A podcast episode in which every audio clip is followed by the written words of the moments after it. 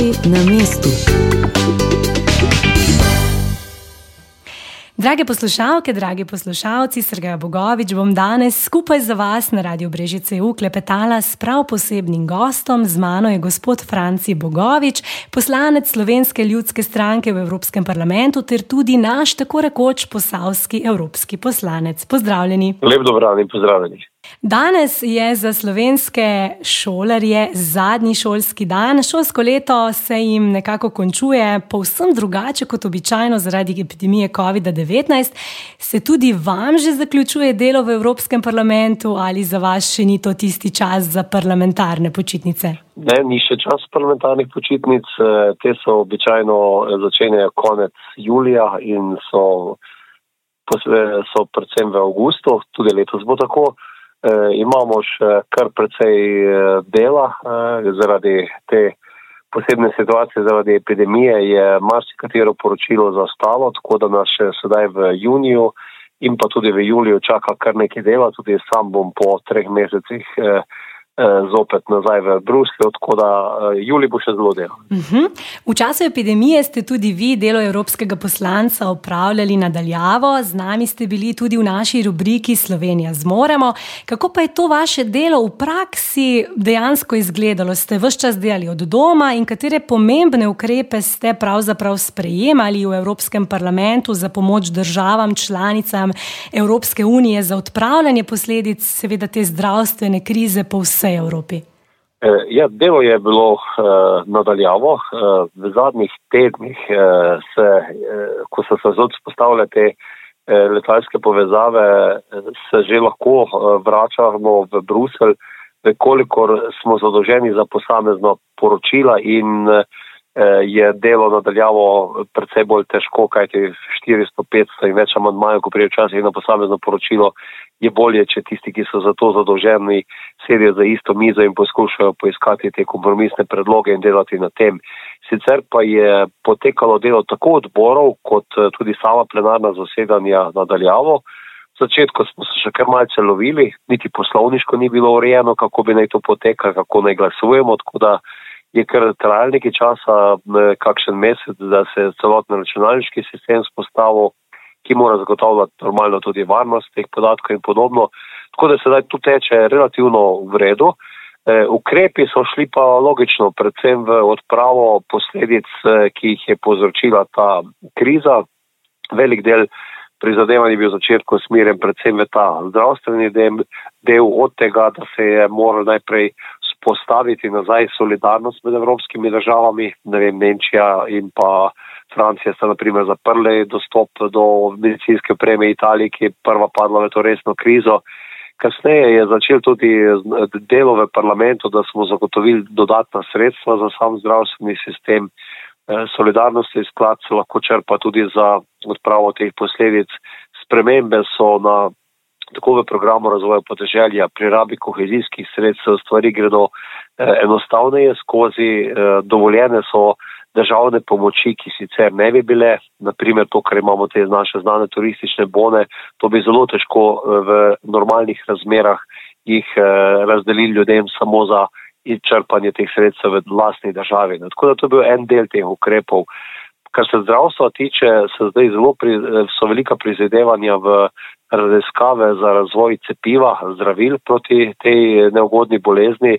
Tako Evropska unija to vlaga stotine milijonov evrov na različnih koncih s ciljem, da bo to eh, zdravilo, ko bo enkrat eh, odkrito, bilo dostopno, se pravi, da ne bo patentirano, zaprto samo za določen krok ljudi. Eh, Evropska unija tudi pognala akcijo, da se zbirajo sredstva, da bi bilo cepivo dostopno vsem, ki bili bolni širom po svetu. Eh, tretji, ta niz ukrepov pa je bil usmerjen predvsem eh, v ta gospodarsko-finančni del, kako čim prej ublažiti posledice te krize, ki bodo zagotovo velike. Tako so evropske inštitucije Evropske unije od odkupa državnih obveznic, ki jih je odkupala Evropska investicijska banka, dodatna sredstva za eh, odpravo posledic. Zelo veliko zdaj govorimo o novi finančni perspektivi in o tem tako imenovanem načrtu za obnovo, ki bo v naslednjih štirih letih omogočil zelo veliko dodatnih sredstev. Tako da grejo te ukrepi v več uh, smeri. Hkrati bi pa tako z enem stavkom najprej odpraviti to težko situacijo na nek način na zdravstvenem področju, potem pa preprečiti gospodarsko in pa socialno krizo, ki sledi z dodatnimi sredstvi in tudi s pomočjo gospodarstva in pa tudi ljudem. No, v času epidemije pa je postalo zelo aktualno tudi vprašanje samooskrbe Slovenije s hrano. Vi osebno, gospod Bogovič, že leta upozarjate na pomen prehranske varnosti za državo. Kakšna nova spoznanja je ta korona kriza prinesla pravzaprav za to področje in kaj je treba še storiti, da bomo v prihodnje v Sloveniji res bolj samozadostni z domačo zdravo hrano? Naj vodo malce popravim vprašanje, ne samo da opozarjam, tudi skrbim za samo skrbo. Tako da tudi v tem času krize smo se borili za eh, jablane v našem nasadu, tudi sicer eh, pri tašču obdelujemo manjšo eh, govedorejsko kmetijo, tako da so mi ta področja zelo blizu, jih poznam, tudi eh, sem agronom, tako da moram reči, da resnično tu eh, je tudi ta kriza na nek način pokazala, nekaj, kar eh, je bilo v Evropski uniji v prejšnjem mandatu skoraj tabu tema, spregovoriti besedo samo skrba, kajti Evropska unija prisega na skupen trg, kar je ok in vse v redu, imamo vsi koristi od njega, velik problem pa nastane eh, v primeru takšnih kriz, ko, ko promet je onemogočen, ko se v bistvu tudi vsakdo poskrbi najprej zase. Tako da mi smo zelo videli v Evropi zdaj, kaj pomeni, če se je zdravstvena oprema začela proizvajati na, v Aziji, nismo imeli mask, nismo imeli respiratorjev. Tako da to je eno področje, ki bo zelo veliko govora o teh strateških panogah, za katere mora biti Evropa samo skrbna, samo zadostna.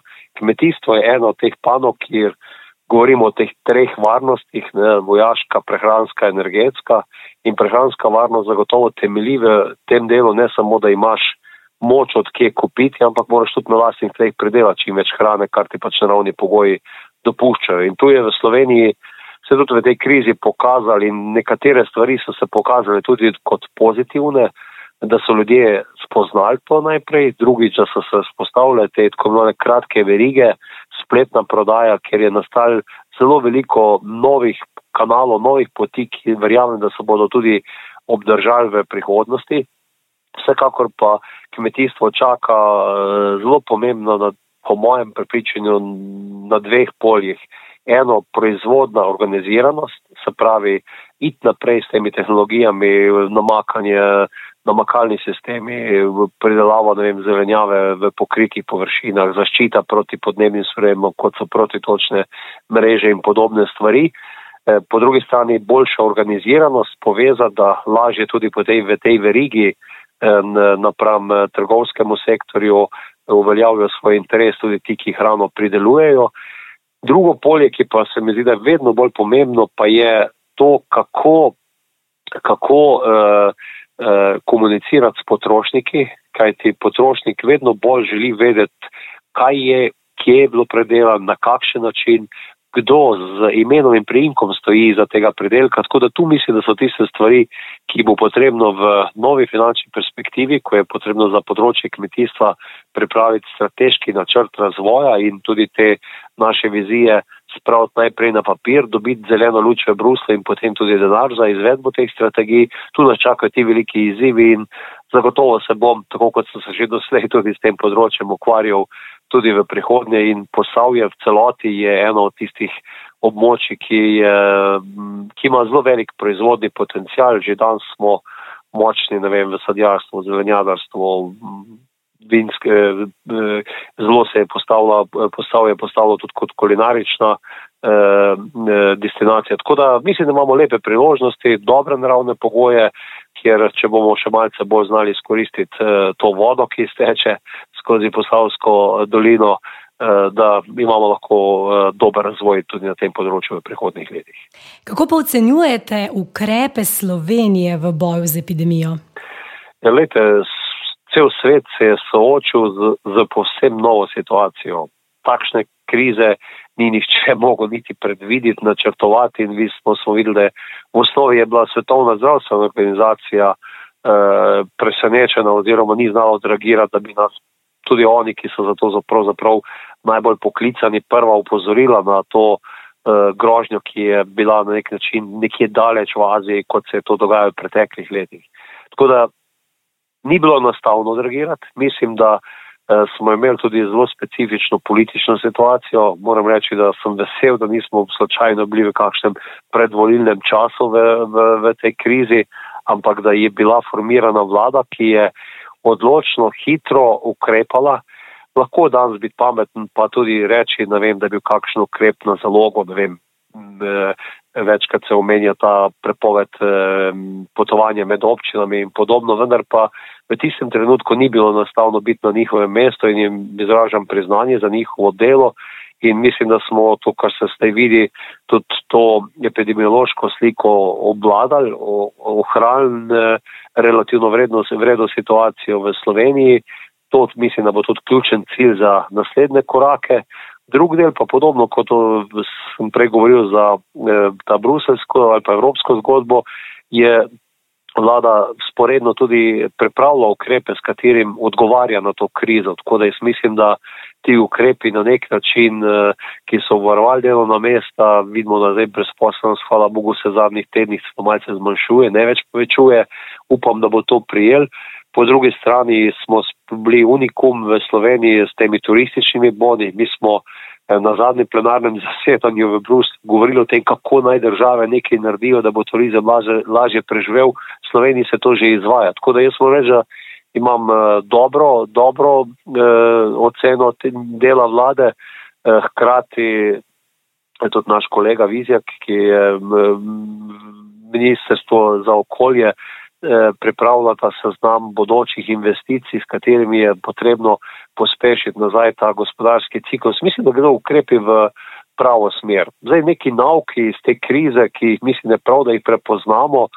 Eh, prvo, kar večkrat govorim in je povezano tudi z mojim delom v Evropskem parlamentu, eh, ta specifika slovenske razpršene poseljenosti, policentričnega razvoja se je pokazala kot pozitivna stvar, družba je bolj trdoživa, bolj odporna, če ni teh velikih mest, kot se je to zgodilo naprimer v Bruslju, ki je posem ob, obstal zaradi te slike.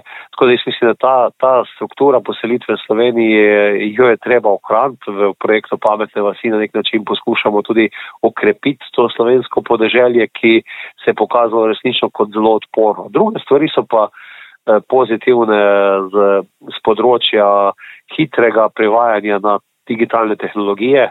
Jaz mirno trdim, da se z nekimi šolskimi reformami pet let ne bi zgodilo toliko, kot se zdaj v dveh mesecih, treh eh, pri samem e-učenju, eh, spletni nakupi in podobne stvari. Tu mislim pa, da so ti izzivi, bo, v kateri bo treba zelo, zelo razmišljati, zdaj, ko bomo koncipirali vizijo našega razvoja za naslednjih pet let, v katerem bo tudi ogromno evropskega denarja na razpolago in od naše naše zbranosti, naše, našega fokusa v prihodnost bo odvisno, ali bomo znali to izkoristiti in v tem času, ne vem, ali narediti mogoče kakšen razvojni preboj, nikakor pa ne kakšnega razvojnega zaostanka. Zato naj mi bo dovoljeno, da na tem mestu izražim, da, da mi eh, ne vidim razlogov za toliko neke slabe volje, eh, razne proteste po Sloveniji, kot se v resnici dogaja in bi bilo za moje čisto vred, po moje bolj pametno, kot da se sedaj eno leto pred predsedovanjem Evropske unije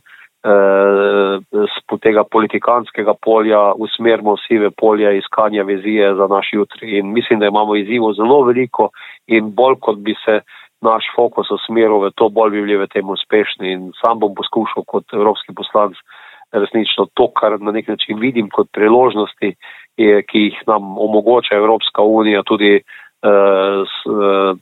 razlagati po Sloveniji in upam, da bom v tem tudi kaj uspešen. Mi si bomo sedaj le privoščili kratek glasbeni premor, potem pa seveda nadaljujemo klepet z našim gostom, evropski poslanec gospod Franci Bogovič, danes klepeta z nami, zato ostanite na dosegu. Odgovori na mestu. Drage poslušalke, dragi poslušalci, mi smo že nazaj, Srgeja Bogovič, danes gostim na Radiu Brežice EU gospoda Francija Bogoviča in mi dva že nadaljujeva z našimi aktualnimi vprašanji. No, jutri pa v Sloveniji praznujemo Dan državnosti. V slovenski ljudski stranki, kjer ste vi tudi njen podpredsednik, ga boste obeležili na prav poseben način, tudi športno družabno, z dobrodelnim nogometnim turnirjem na Ljubnem pri Savini. Ste lahko, uh, v bistvu so lahko naši poslušalci in poslušalke pridružijo naprimer, na tem vašem dogodku. Ja, zdaj v Mitu je še vedno teh 500 ljudi, ne, tako da tudi mi bomo morali kar upoštevati uh, to, kar se dogaja in ta upozorila, ki prihajajo uh, v zadnjih dneh.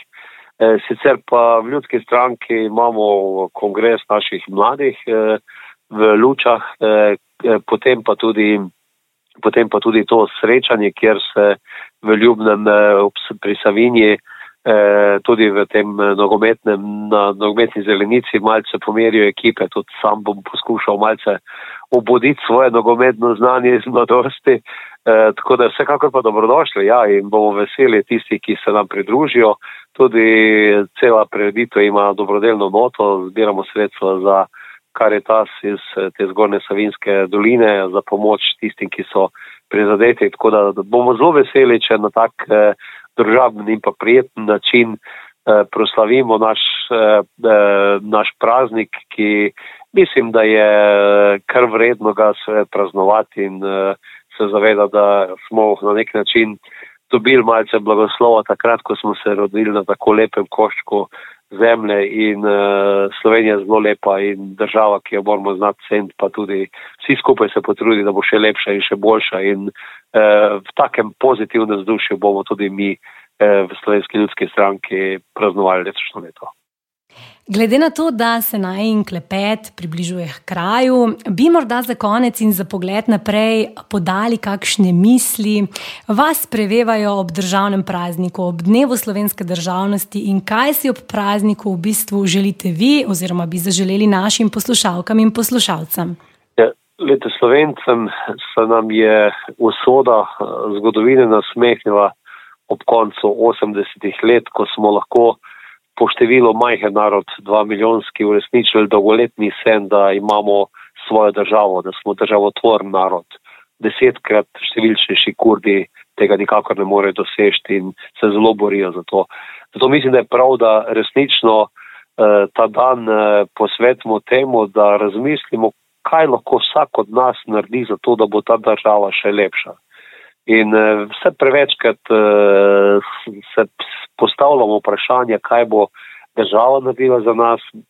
Mislim, da je prav, da se zavedamo, da smo vsi skupaj, da vsi skupaj tvorimo to državo in da vsak na svojem koncu postorimo čim več uh, za dobro tudi ne samo sebe, ampak tistih okoli nas. Če bomo vsi imeli ta pozitiven pristop, uh, če bomo tudi znali sodelovati med sabo, ne se razlikovati, pa razdruževati, potem bo tudi ta prihodnost lepša naslednjih pet let ocenjujem, da bo let, pet let, v, katerim, v katerih eh, se bo zopet naredila razlika med tistimi, ki razumejo izziv tega časa in med tistimi, ki se ukvarjajo vem, s preteklostjo ali pa z medsebojnimi spori. Zato na nek način z moje strani ob temu, tem dnevu državnosti, eh, demo dodati še to, kar imamo. Uh, še en praznik, ki ga praznujemo je, uh, po, po zimi, se pravi 26. decembra, tudi enotnost. In to je tisto, kar mislim, da, da bi na nek način se vsi skupaj morali potruditi in da uh, vidimo kaj dobrega tudi ne samo pri sebi, ampak pri tudi drugih. In zgleda, da bodo lepi dnevi pred nami, da imamo po tem času, ko smo morali biti malce bolj Eh, zaprti te misli v smer, v ta pozitiven eh, smer in pa v jutri. Se strinjamo, vroča in aktualna tema, ki je tudi pred vrati za vse nas, pa je v tem trenutku tudi poletje. Tudi koledarsko se je poletje začelo v tem tednu. Kako ga boste preživeli vi? Ja, kar zanimivo bo, kot sem že dejal, eh, skoraj do konca julija intenzivno pri delu v Evropskem parlamentu, tudi dva tedna v Bruslju. Eh, ob koncu julija, pa tudi vdih eh, in uh, sam bom tudi bone, te, ki so namenjeni slovenkam in slovencem, izkoristil v Savinski dolini na eni turistični kmetiji, precej visoko uh, in uh, verjamem, da bo kar precej uh, tudi možnosti za malce vdiha in pa uh, tudi to, kar je bilo letos sicer več na razpolago kot preteklosti, biti s svojimi. In moram reči, da mi je bilo zelo prijetno in ker v tem stilu bomo tudi nadaljevali skozi poletje, ko sem pa, ker sem pa že dejal, da tudi sadjarmo doma, pa moram reči, da imamo kar precej dela, kajti v Sadonjaku nam zelo lepo kaže, spomladi smo tudi z kurjenjem nasado obvarovali nasad, tako da me del poletja čaka tudi v nasado, ker bo treba še kar precej uprav, da bo potem jesensko ubiranje čim enostavnejše, da bo čim boljša roba. In uh, tako da bom kombiniral med tem druženjem uh, svojimi delo, delo v Sadovnjaku uh, in pa več doma kot prejšnjo leto, ko sem tudi z veseljem šel malce po svetu. Glede na to, da ste zelo družinski človek, bodo na vrsto prišli zagotovo tudi vaši vnuki. Mi pa bi na koncu vas izvali, da z nami izberete eno od slovenskih sklad, ki bi ob koncu tega najnega klepeta vse nas pospremila na brezskrbne počitnice. Posavje je energetska, pa tudi glasbena regija. Imamo celo vrsto odličnih izvajalcev. E, naj bo e, Nuša Derenda, moj današnji izbor. Zdaj, če je z energetiko povezano, lahko tudi energy eh, ali pa kaj drugega, eh, nušene pesmi, vedno, nušnim pesmim vedno z veseljem prisluhnem, tako da eh, zadnji izbor prepuščam eh, vašemu uredništvu. Hvala, gospod Bogovic, za vaš čas in prijazen klepet. Vi, dragi poslušalci, kaj koristnega po tem pogovoru shranite v svoje spomine in ostanite seveda v naši družbi še naprej.